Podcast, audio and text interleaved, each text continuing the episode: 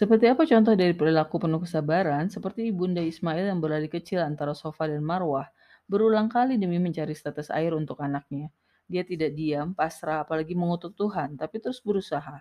Itulah contoh yang kita teladani sampai kini. Tapi ada kesabaran yang lebih sulit derajatnya daripada ujian kehidupan yang sebelumnya telah Tuhan paparkan, yaitu berkorban, bersabar untuk menghadapi rongrongan manusia zalim sehingga kita jadi takut dan menyembunyikan bukti nyata dan petunjuk setelah Tuhan menjelaskan dalam kitab.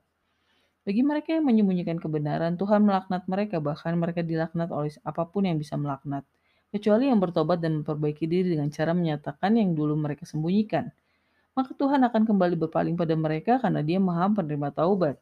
Tapi jika mereka tetap menyembunyikan kebenaran, mereka dikategorikan orang yang kafir. Dan mereka yang mati dalam keadaan kafir, Tuhan, para malaikat, dan semua manusia akan melaknat mereka.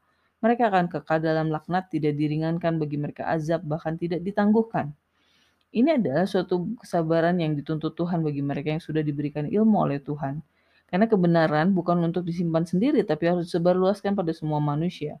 Itulah mengapa mereka yang menyembunyikan kebenaran akan dilaknat manusia semuanya. Kekafiran ternyata bukan hanya merujuk pada suatu perbuatan tidak mengimani dan menolak kebenaran yang telah Tuhan turunkan, tapi menyangkut perilaku menyebarluaskan kebenaran pada seluruh manusia. Karena dalam semua ilmu yang Tuhan sampaikan ada hak manusia lain untuk turut mengetahuinya.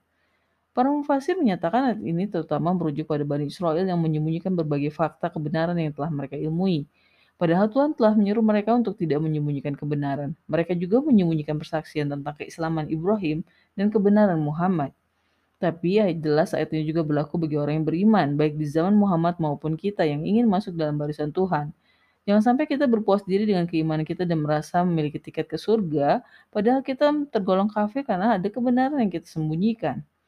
Selain membahas tentang kesabaran, ayat-ayat ini juga membahas tentang sikap sukarela dalam melakukan hal yang lebih baik yang Tuhan tetapkan bahwa Tuhan paling mensyukuri dan mengilmui kebaikan yang dilakukan manusia. Dalam bentukan lain, kata sukarela dimaknai taat. Jadi ketaatan bukan muncul dari ketakutan. Maka makna mensyukur jika dikaitkan dengan Tuhan adalah merujuk pada perilaku baik manusia. Sedangkan jika dikaitkan dengan manusia tentu merujuk pada perilaku baik Tuhan pada manusia, terutama terkait pemberian kesempatan kedua jika manusia melakukan kesalahan dan pemberian petunjuk darinya. Apa yang bisa menjadi energi pendorong bagi manusia untuk tetap dalam kebenaran bahkan sukarela melakukan kebenaran dan tidak menyembunyikan kebenaran semata karena manusia menyadari bahwa ilah atau Tuhan itu hanya satu, ilah yang sama dengan ilah Ibrahim leluhur Bani Israel. Mengapa dengan menyadari bahwa ilah hanya satu dan dia paling pengasih dan paling penyayang akan menjadikan kita teguh dalam kebenaran? Karena berarti kebenaran pun hanya satu dan dia menetapkan kebenaran yang didasarkan pada kasih dan sayangnya pada manusia. Semua ini untuk kebaikan manusia.